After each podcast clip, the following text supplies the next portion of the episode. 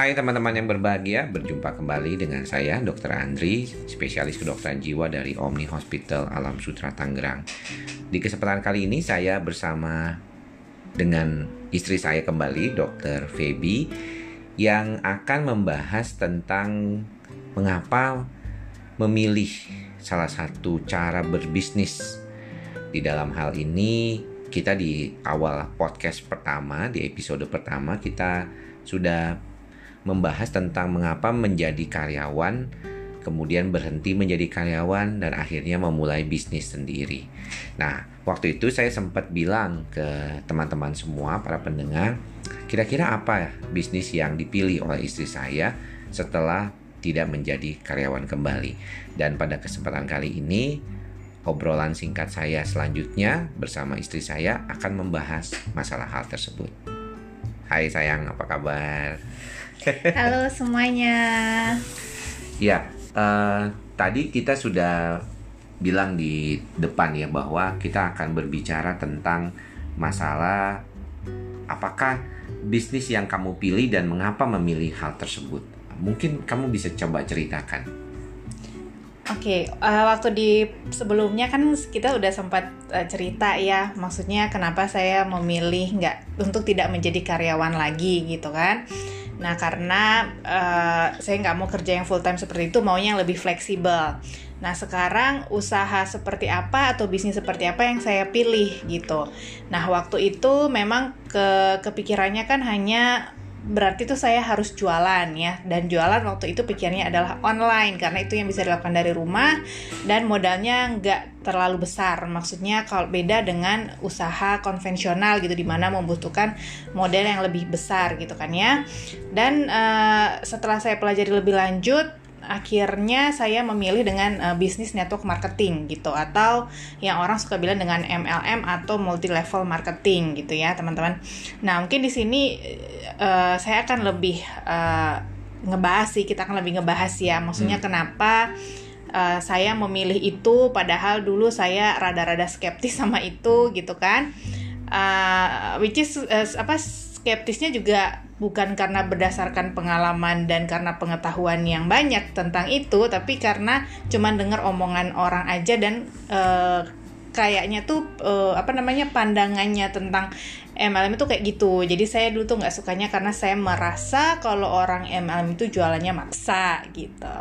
Nah, tapi kalau misalnya kamu bisa berubah seperti demikian, siapa yang pertama kali memperkenalkan uh, jenis ini gitu apakah memang dari bacaan kebanyakan kan kita tahu ada temen lah biasanya mm -hmm. saudara atau mm -hmm. temen yang mengenalkan bisnis ini mm -hmm. nah waktu itu gimana apa langsung tertarik gitu atau tidak karena kan kalau kita berbicara tentang network marketing yang tadi kamu bilang juga orang banyak yang mungkin awalnya tuh memandang skeptis gitu terhadap mm -hmm. hal tersebut ya walaupun banyak banget buktinya orang tuh bisa berhasil gitu ya mm -hmm. kalau mereka mau berupaya Nah ini yang kita mau bahas nih, kita mau tekankan um, gimana orang yang tadinya skeptis bisa jadi nggak skeptis gitu? Apa uh, karena itu temen nggak enak, terus kemudian awalnya juga skeptis juga mungkin bergabung atau mm. ada hal lain yang yang membuat kelihatannya kok jadi keinginan bergabung tuh ada? Kalau saya awalnya karena produknya pertama kali.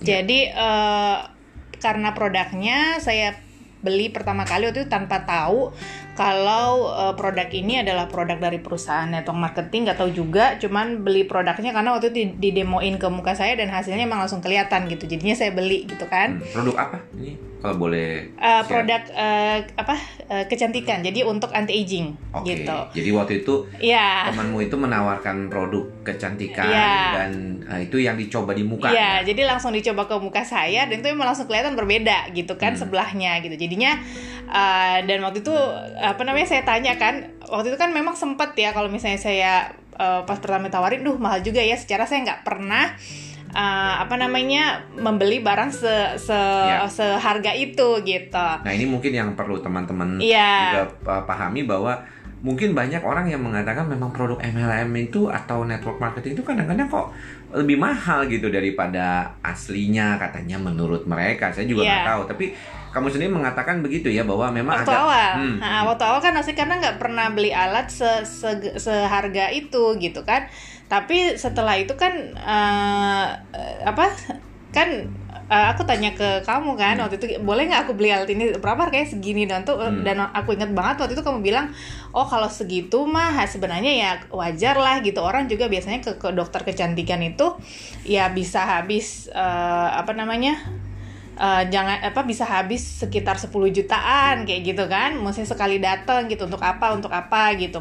Jadi eh, ini tuh masih masih masih wajar. Jadi ya saya beruntung sih gitu.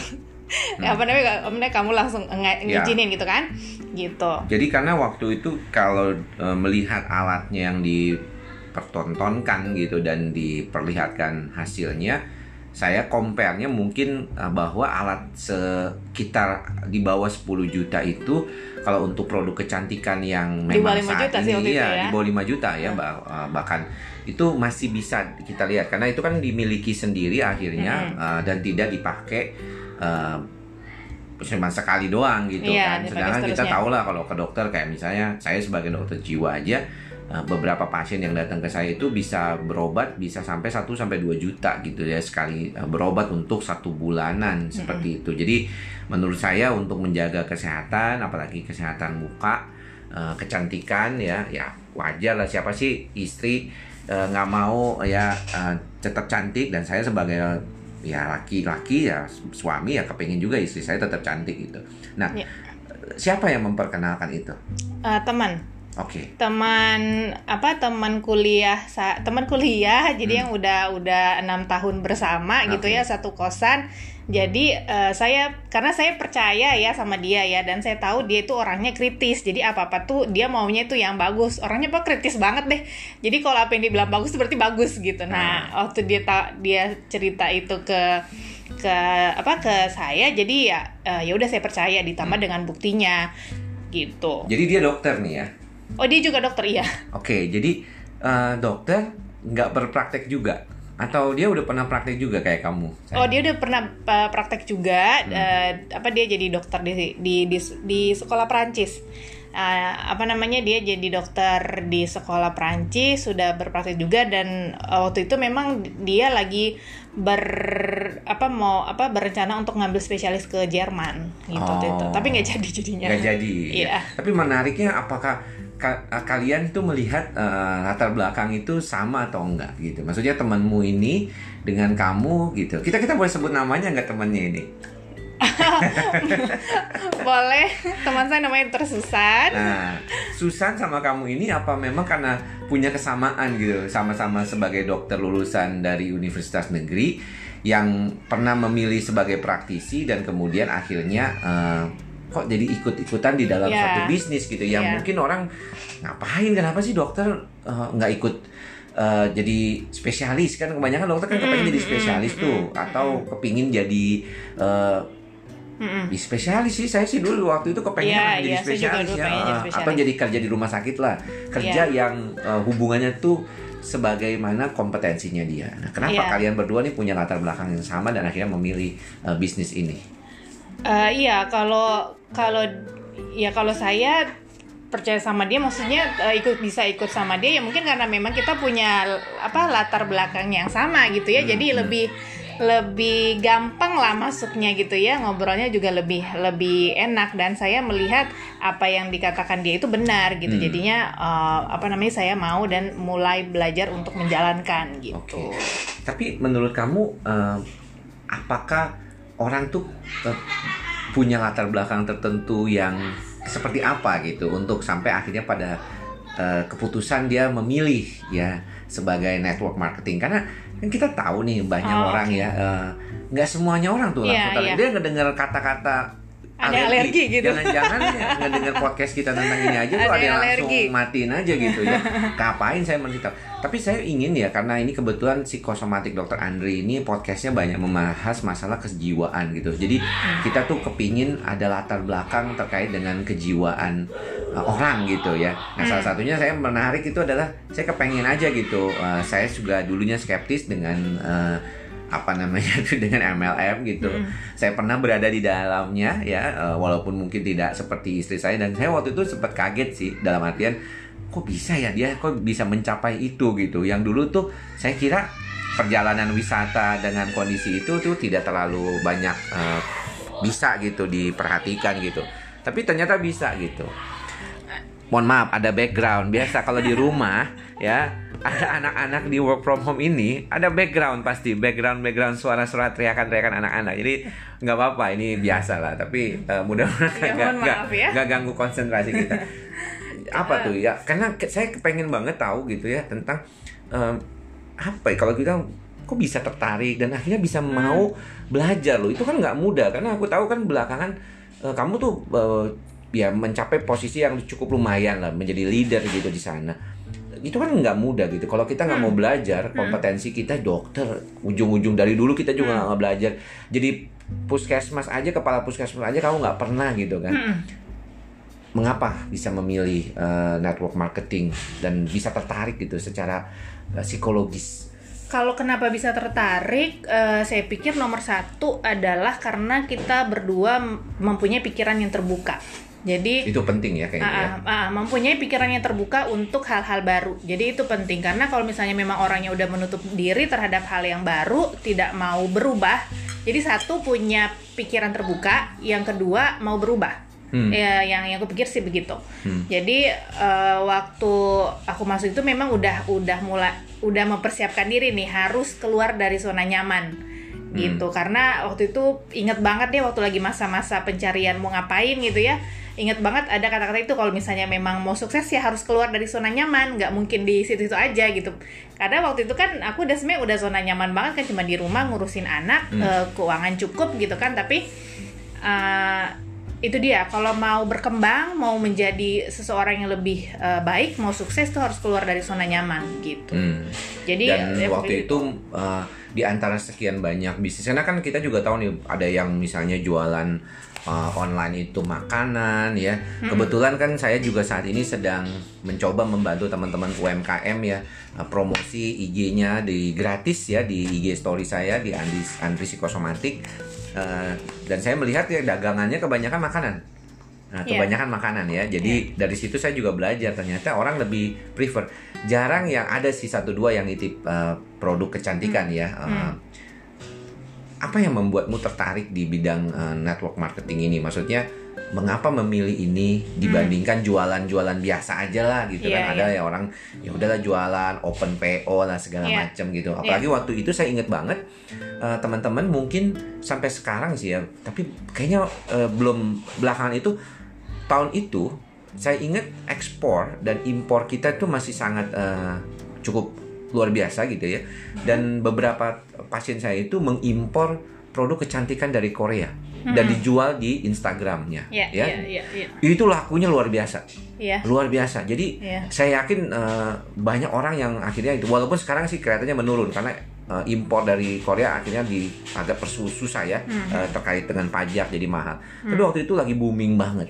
Nah, yeah. tapi kamu nggak milih gitu produk-produk uh, Korea yang sebenarnya pasarnya banyak banget teman-teman yeah, yeah. banyak yang suka pengagum K-pop gitu ya hmm. uh, dan kita ngelihat juga orang Korea tuh begitu hmm. halus mukanya tapi kamu memilih network marketing yang mungkin orang belajar perlu belajar lagi dan nggak langsung cepet gitu hasilnya iya iya betul jadi uh, ada banyak alasan teman-teman pertama itu kalau untuk uh, network marketing uh, modalnya relatif kecil satu uh, waktu itu kan kita udah pernah bilang ya kalau hmm. saya itu orangnya sebenarnya rada rada safety player banget gitu jadi agak-agak takut kalau yang modalnya gede gitu jadi uh, relatif modalnya kecil itu pun saya bilang bukan modal ya karena kita pakai sendiri sebenarnya gitu hmm. gitu kan kemudian yang kedua tidak perlu stok barang banyak jadi hmm. uh, kebayang kalau kita harus buka toko uh, apa namanya apa konvensional seperti itu kan itu harus harus dengan stok uh, barang yang cukup banyak gitu ya dan itu nilainya juga besar gitu.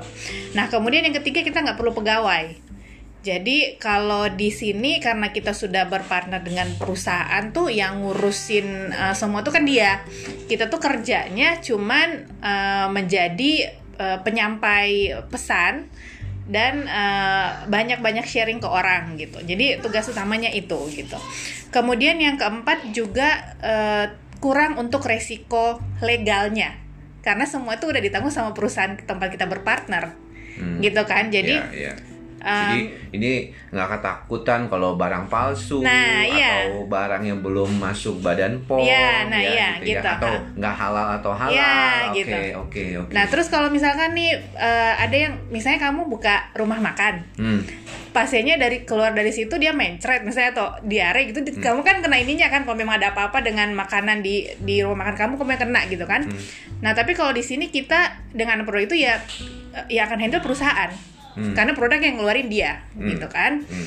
uh, gitu. Dan uh, udah dis, uh, disediain semuanya. Jadi mulai dari untuk proses izin kita nggak perlu proses izin lagi untuk legal untuk uh, apa namanya bepom packaging kemudian inovasi. Ya itu udah semua dipikirin. Kita udah nggak mikirin lagi gitu. Nah kemudian juga uh, apa training. Kalau untuk bisnis bisnis konvensional dan kalau misalnya memang kita jualan sendiri ngambil barang impor itu uh, biasanya trainingnya nggak sebanyak kalau seperti kita di network marketing karena ada tim, ada grup gitu. Jadi trainingnya benar-benar sangat intensif dan kita uh, relatif jadi punya mentor. Uh, dan kalau misalnya biasanya kalau orang pebisnis itu kan mau cari mentor tuh agak susah ya karena mm-hmm. biasanya kan jadi pesaing semua tuh nggak ada yang mau berbagi yeah. Cerita suksesnya gitu. Betul. gitu maksudnya Betul. uh, resepnya buat lu makanan lu jadi enak gitu pakai apa gitu kan tentunya dia nggak mau kasih orang lain gitu kan gitu. Nah kalau di sini uh, semuanya dibagikan gitu. Karena kita cuma bisa menjadi uh, sukses kalau kita bisa menyukseskan orang lain gitu kalau di sini gitu. Dan yang kemudian yang keenam itu kita punya kesempatan yang sama. Jadi nggak peduli uh, kita itu lulusan apa yang penting bisa baca tulis bisa baca bisa tulis kalau menurut saya ya hmm. bisa baca bisa tulis mau belajar uh, kerja keras gitu nah itu punya kesempatan yang sama hmm. untuk mencapai posisi yang tinggi hmm. kalau misalkan di uh, apa namanya di uh, di perusahaan lah gitu ya itu kan slot untuk manajer kan cuma beberapa doang kan hmm. apalagi CEO gitu kan cuma paling tiga gitu kan hmm. Nah kalau di sini kita punya kesempatan yang sama untuk mencapai uh, itu uh, level atas. Gitu. Tapi ada salah satu uh, ungkapan dan mungkin pendapat dari teman bahwa katanya kalau jadi di network marketing itu di MLM itu yang duluan masuk yang pasti sukses duluan katanya jadi dia bilang saya terus-terusan bakalan begini dong walaupun ah. sih kalau saya sih merasa enggak ya karena saya pernah ada di dalam network marketing dan saya merasa bahwa uh, enggak begitulah gitu. Uh, iya benar nggak nggak begitu. Saya juga alamin jadi uh, ternyata nggak seperti itu. Ini yang kalau di yang kalau di perusahaan saya ya maksudnya ya kita nggak tahu karena yang saya tahu tuh banyak banget perusahaan multi level itu ada puluhan ribu um, hmm. ya di termasuk luar negeri sama di sini okay. banyak banget tapi nggak semuanya benar ya, gitu nah dan nah ini nanti kita akan bicarakan ya. di episode berikutnya tentang bagaimana memilih network marketing yang baik ya, ya. tapi nggak benar ya gitu ya, ya siapa ya, yang ya. duluan gitu ya, jadi, ya katanya masuk uh, bakal uh, jadi enak karena nanti tinggal duduk-duduk santai gitu karyawan ya. dalam tanda kutip downline-nya kata kerja kan ada tuh yang ditakut-takutin begitu gitu. Kalau di kalau di perusahaan kami ya kalau yang tempat saya berpraktek partner itu eh, nggak seperti itu sistemnya karena semuanya berdasarkan hasil kerja kita. Jadi bukan berarti kalau kita dapat member kita langsung dibayar. Nggak. Kalau misalkan ada penjualan baru dibayar gitu. Jadi dan kalau misalkan memang saya nih malas gitu nggak nggak kerja tapi uh, apa downline saya itu kerja nah bisa aja. Jadi uh, level atau apa namanya uh, karirnya downline saya itu lebih tinggi daripada saya. Itu bisa gitu. Kalau di kalau di perusahaan tempat saya berperan begitu. Jadi kadang-kadang kalau kita perhatiin ternyata bisa mudah bisa enggak tergantung orangnya lah ya. Iya oke. okay. benar benar. Iya, tergantung iya, iya, iya, iya, uh, orangnya. Oke, jadi kalau saya uh, ingin menyimpulkan episode kedua kali ini mungkin tidak semua pandangan jelek terkait dengan multi level marketing ataupun network marketing itu akan bisa membuat kita tuh menjadi mundur gitu ya. E, mengapa sih saya tuh e, mengambil contoh istri saya? Karena ya sehari-hari deket ya. Dulu juga saya sebagai uh, dokter juga pernah uh, ikutan gitu ya di dalam network marketing. Tapi saya keluar tuh. Tapi saya melihat ternyata memang apa yang saya lakukan dengan istri saya lakukan tuh berbeda saya bukan tipikal yang mau belajar. Mungkin waktu itu saya konsentrasinya emang cuma pengen jadi dokter jiwa aja. Dan saya merasa bahwa memang ini cuma saya iseng gitu pengen ikut. Dan kalau iseng-iseng sih semuanya kayaknya bakalan. Kalau yang iseng-iseng pasti jadi hasilnya juga iseng. Kalau saya jadi passion saya di dokter ya, jiwa ya saya kan? jadi baik gitu ya karena ya karena memang saya punya passion di situ. Jadi teman-teman eh, nanti kita kan episode berikutnya tentang bagaimana tips memilih network marketing. Ini yang penting untuk kita juga kalau teman-teman mau berupaya. Saya kira di masa saat ini ada hal-hal yang mungkin kita bisa lakukan masih kita berusaha karena begitu banyaknya teman-teman yang di PHK banyak juga yang uh, mengalami penurunan uh, ya pendapatan tentunya berkaitan dengan uh, kondisi keadaan sekarang dan mungkin salah satu jawabannya ada di network marketing. Saya nggak pernah tahu sih itu yang nanti kita akan tanyakan lebih jauh terhadap uh, keadaan ini kepada istri saya. Thank you saya uh, sudah bergabung di podcast kali ini. Mudah-mudahan uh, episode selanjutnya kita bisa bikin dalam waktu tempo yang tidak lama lagi. Terima kasih semuanya, semoga bermanfaat.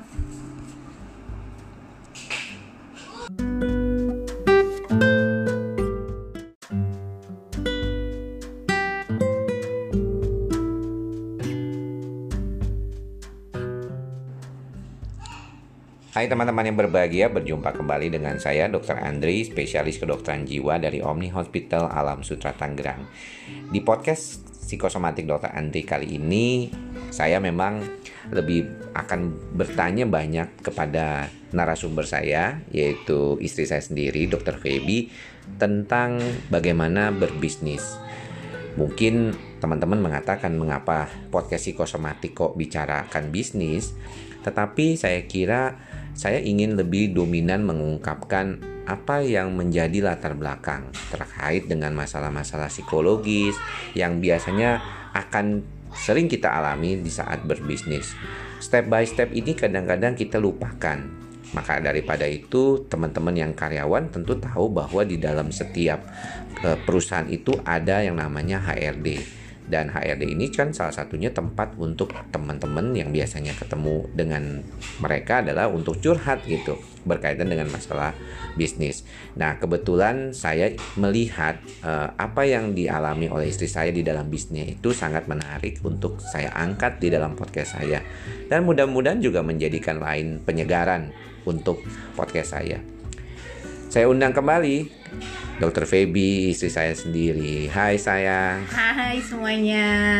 Oke, kemarin-kemarin kita di dalam uh, podcast sudah membicarakan tentang uh, mengapa kamu memilih uh, berbisnis setelah menjadi karyawan dan akhirnya berhenti karena anak kita lahir yang ketiga. Kemudian uh, di podcast selanjutnya di episode sebelumnya kita juga cerita tentang uh, mengapa memilih berbisnis uh, dengan jalur network marketing gitu ya.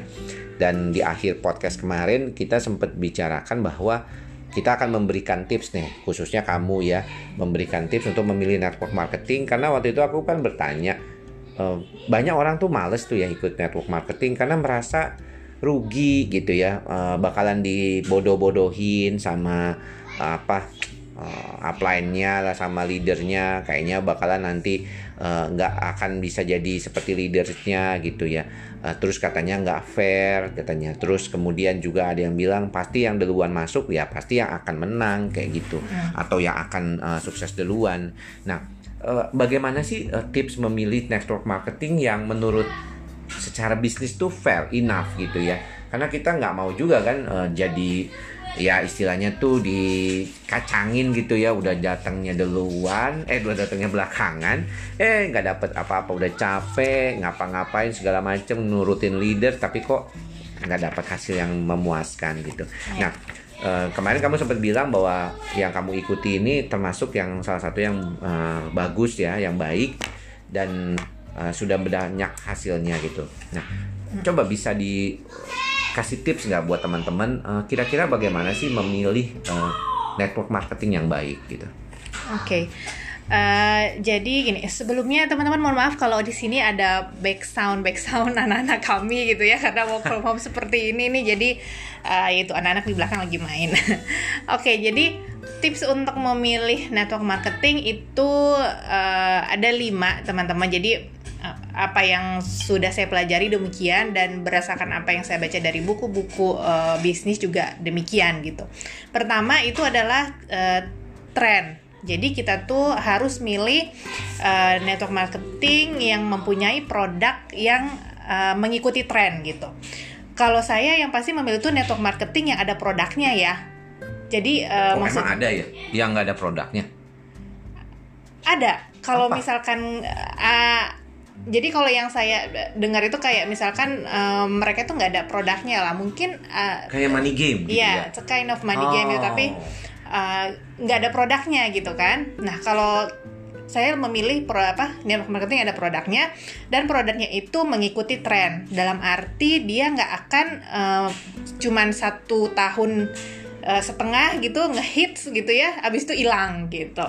Nah kan banyak yang kayak gitu kan produk-produk yang kayak gitu. Nah uh, kalau trennya tren tren apa aja nah kalau sekarang itu ada ada tiga tren ya jadi pertama tuh uh, ada tren sosial media Hmm. Nah, kan jadi apalagi kalau sekarang gitu kan semuanya lewat sosial media. Jadi memang lebih enak kalau ya produk-produknya itu juga sosial media friendly. Kita bisa jual lewat sosial media, kerja dari rumah kayak gitu ya. Kemudian uh, tren untuk uh, penghasilan tambahan gitu ya. Sekarang ini kalau orang-orang di masa apalagi seperti saat ini pasti butuh banget penghasilan tambahan gitu kan. Nah, uh, kita memilih network marketing yang pasti bisa membuat kita untuk menambah uh, penghasilan gitu. Kemudian yang ketiga itu tren anti aging atau uh, kecantikan dan kesehatan lah gitu ya. Di mana kalau saya rasa itu nggak akan pernah mati ya karena di mana-mana orang tetap pasti ingin uh, sehat dan ingin tetap terlihat cantik gitu. Nah apalagi sekarang dengan zaman banyak foto-foto, uh, selfie kayak gitu semua orang pengen uh, apa kalau bisa terlihat cantik di mana-mana gitu kan. Jadi uh, tren anti aging itu akan selalu ada gitu.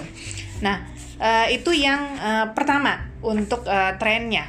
Nah, kemudian yang kedua adalah produk dan teknologi. Jadi teman-teman harus lihat kan sudah ada produknya. Nah, produknya ini juga harus dilihat apakah produknya ini sesuatu yang sangat baik dijual atau enggak. Maksudnya tuh yang monopoli. Jadi nggak nggak nggak pasaran gitu loh maksud saya gitu. Dia jadi ada ada kekasan atau kekhususannya yang menonjol yang yang yang bisa uh, kita jual gitu.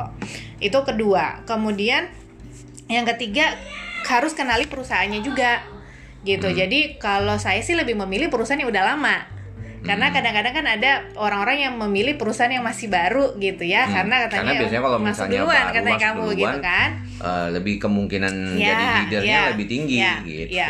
ya bisa seperti itu jadi maksudnya uh, bukannya saya mau uh, meng, me, apa namanya mengdisedifikasi itu tapi kalau saya lebih memilih perusahaan yang udah lama jadi udah jelas track recordnya uh, dia perusahaan yang sudah menghasilkan berapa uh, berapa orang yang yang berhasil gitu ya kemudian uh, sudah pernah melewati badai-badai krisis dan bisa tetap bertahan gitu nah itu Uh, itu harus di, di, di dilihat juga bagaimana perusahaannya, keuangannya bagaimana gitu. Jangan sampai kita udah kerja mati-matian terus ternyata komisi kita nggak dibayar gitu kan bahaya ya. Atau enggak jangan sampai baru setahun dua tahun, tahun ketiga dia tutup gitu kan hmm. gitu sementara kita udah punya banyak uh, tim di bawah kita yang uh, apa yang sudah semangat untuk bekerja ah. nah itu tuh itu itu jangan sampai yeah, seperti yeah, itu yeah. kan ini salah satu yang saya suka lupa ya bahwa ternyata memang kan namanya perusahaan bisa aja tutup ya. Yeah, jadi apalagi kalau dia kapitalnya nggak kuat ya, yeah. modalnya nggak kuat yeah. ya bisa jadi dia bangkrut deh Iya. istilahnya ya. Iya Hmm. benar, makanya itu memang kita harus eh, lihat dulu perusahaannya seperti apa gitu kan. Hmm. Ah, kemudian eh, yang keempat tentang marketing plan-nya. Jadi marketing plan-nya seperti apa gitu. Eh, sistem pembagiannya seperti apa. Makanya jangan sampai yang seperti tadi yang cuman yang masuk duluan aja yang Hmm. yang yang dapat yang lebih banyak gitu kan. Nah, itu Hmm, marketing hmm, plan-nya hmm. harus adil. Jadi Hmm. kita kita lihat bahwa memang yang didapat itu adalah memang dari hasil eh, kerja dan dari hasil membangun tim, bukan hanya daftarin member dap- dapat uang Oh. masukin orang ke event dapat uang gitu kan nah ada juga seperti itu, tapi eh, sebaiknya nggak karena nggak nggak Hmm. seperti itu ya nggak Hmm. eh, itu nggak nggak fair gitu Hmm. nah kemudian terakhir itu adalah sistem eh, edukasi atau pelatihan jadi em, harus yang mempunyai sistem untuk pendidikan. Jadi ada dia itu memfasilitasi distributornya untuk mendapatkan pengembangan diri. Hmm. jadi nggak cuman jago jualan produk tapi harus jadi eh, pebisnis yang baik juga gitu. Karena kalau di bisnis kayak gini ya sebenarnya yang paling utama itu kan diri kita ya. Eh, produknya itu tuh sebenarnya diri kita yang ngebawain produknya. Iya. nah karena nah ini mungkin bisa masuk ke eh, ke kamu juga yang kebanyakan orang itu membeli karena eh, orang itu suka sama penjualnya. Oh. connect gitu. Suka cara bicaranya suka cara dia memberikan konsultasi suka uh, Merespon iya gitu merespon gitu, kalau pernah kan kita datang ke counter gitu apa sih mbaknya? gitu nggak ngeladenin dah males gitu kan langsung Hmm. pergi gitu. Iya. nah itu nah itu makanya kita harus cari eh, apa perusahaan maksudnya yang di mana ada ada ada ada fasilitasnya untuk pengembangan dirinya gitu karena nggak semua orang kan bisa bicara nggak semua Hmm. orang tuh bisa menjawab dengan baik gitu jadi itu harus dilatih dan bener-bener pelatihan itu harus continue gitu Oke. Nah, apakah misalnya ada batasan eh, di dalam bagaimana kita memilih? Misalnya nih kalau yang udah pasti nggak boleh nih kayak gini nih. Kalau misalnya wah jangan dah milih network marketing nih yang seperti ini. Kalau dari pengalaman kamu aja kan kita nggak bisa eh, generalisasi kan seperti tadi kamu bilang orang Iya. boleh-boleh aja mau taking risk kan misalnya. Iya. eh, saya misalnya eh, memilih apa saham atau reksadana orang yang bilang saham aja tapi reksadana saham juga ada dan itu juga sama resikonya kadang-kadang gitu ya Eh, bahkan kalau kita mau pakai robot seperti sekarang juga ya eh, banyak tuh aplikasi-aplikasinya ya Ah. tetap aja gitu ada resiko gitu saya coba-coba aja kemarin eh, pakai eh, salah satu robot di aplikasi itu ya tetap aja kalau misalnya Hmm. rugi ya rugi aja tapi ada nggak satu eh, patokan yang mungkin bisa diberitahu ke teman-teman. Oh kalau misalnya yang kayak gini tuh jangan. Apakah misalnya Ah. money game atau money game udah jelas jangan lah ya Iya, itu iya, iya. bahaya. Eh, gini jadi eh, setahu saya jadi or- organisasi perusahaan-perusahaan network marketing itu mereka eh, tergabung dalam organisasi resmi namanya APLI Ah, Asosiasi Pe- Perhimpunan eh, apa namanya APLI pokoknya singkatannya itu APLI. Mereka ada ada IG-nya ada Oke, ada kok saya tahu itu apli ap- apa asosiasi penjual langsung Ah yes, Indonesia. yes, ya, ya. Ah. Nah kalau eh, udah masuk situ ya bisa. Hmm. Jadi, eh, Jadi itu. cari yang mana dia tergabung dalam organisasi karena kita khawatir dengan aspek hukumnya ya Iya, tentunya ya uh-uh, karena betul. perdagangan ataupun penjualan ini akan jadi sangat uh, punya apa namanya baik. Nah kalau misalnya dari sisi uh, peserta, nah peserta lebih cocok apa tuh ya? Uh, yang Member. ikut member ya mem- member ya. Sebenarnya apakah misalnya uh, orang punya batasan-batasan usia kan banyak juga nih yang pengennya gini bilangnya ah gue sih mau cari pengalaman kerja dulu deh gitu ya terus kayak kamu juga uh, baru Hmm. bergabung setelah kamu menjadi uh, dokter karyawan kemudian Hmm. bergabung Hmm. gitu tapi pernah nggak terpikir oleh kamu sebenarnya kalau saya kenal ini dari dulu mungkin saya akan lebih dari awal gitu atau memang ada batasan usia kalau dari dirimu saya nggak uh, aku nggak tanya ya dari orang lain ya pengalaman orang lain. Tentu ada juga saya pernah lihat yang masih muda udah jadi uh, leader yang uh, punya banyak sekali uh, anggota di bawahnya. Tapi kalau menurut kamu sendiri ada nggak sih uh, hal-hal yang mungkin secara usia tuh lebih cocok di usia segini masuknya? Atau mungkin sudah punya pengalaman kerja dulu baru masuk kayak gitu? Atau atau gimana gitu? Sebenarnya pada dasarnya yang penting dia udah punya KTP bisa mulai. Oke. ya. Yang Hmm. penting udah punya KTP. Itu, itu itu standar. standar Nah. udah punya KTP Eh, bisa mulai jadi kalau umur berapa yang bisa sukses itu nggak ada patokan semuanya tergantung diri masing-masing Hmm. Eh, karena kalau menurut saya sih lebih muda lebih bagus gitu memang Oke. kalau misalkan masih muda ada pengalaman kerja ke orang lain eh, benar saya juga setuju tapi kalau yang seperti ini kan bisa dijalanin part time Ah. jadi dia bisa kerja full time, bisa dapat tetap gaji tetap bulanan. Nah di eh, waktu eh, dia me- me- mem- apa membuat waktu misalkan 2-3 jam dalam setiap harinya gitu untuk ngerjain bisnis ini tuh bisa banget dan Hmm. banyak yang semua bermula dengan itu. Hmm. Dan kalau rata-rata juga member yang bergabung biasanya saya juga nggak pernah nggak pernah saranin untuk dia langsung shift gitu ganti karena pergantian itu pasti butuh proses untuk adaptasi kan. Hmm. Jadi lebih baik dia part time tapi eh, fokus dengan maksudnya eh, part time tapi eh, full apa ya maksudnya eh, bener-bener dijalanin lah gitu ya. Hmm. Misalkan dia mau ngejalanin 1 sampai 2 jam sehari untuk eh, bisnis part time-nya ini, ya bener-bener jalanin gitu. Dan Oke. itu bisa gitu. Hmm. Jadi eh, mau dia masih mulai awal kerja pun ya ya udah di ini dibikin part time bisa kok Hmm. gitu. Dan memang juga di perusahaanmu yang bergabung ini juga ada banyak yang ini ya, yang, Yang masih masih muda, muda-muda iya, ya, yang iya. udah udah posisinya tuh Iya, umur Eh, 22, lebih- 23 udah udah Hmm. hebat luar biasa gitu. Iya iya iya. Berarti kalau demikian eh, tidak ada batasan usia kecuali dia udah punya KTP yang penting dia Yang bisa penting udah punya. KTP aja, ha. Oke. karena kalau syarat member kan punya KTP Hmm, gitu, hmm, udah dewasa. kalau menurutmu sendiri gitu ya, eh, apa yang menjadi modal eh, seorang yang penting ya untuk mau bergabung di bisnis ini? Artinya dia harus punya ini nih. Kalau misalnya, kalau kamu tadi kan ada di depan sudah dikatakan ya, eh, kamu kepingin untuk melakukan sesuatu, mau belajar, berubah seperti itu ya.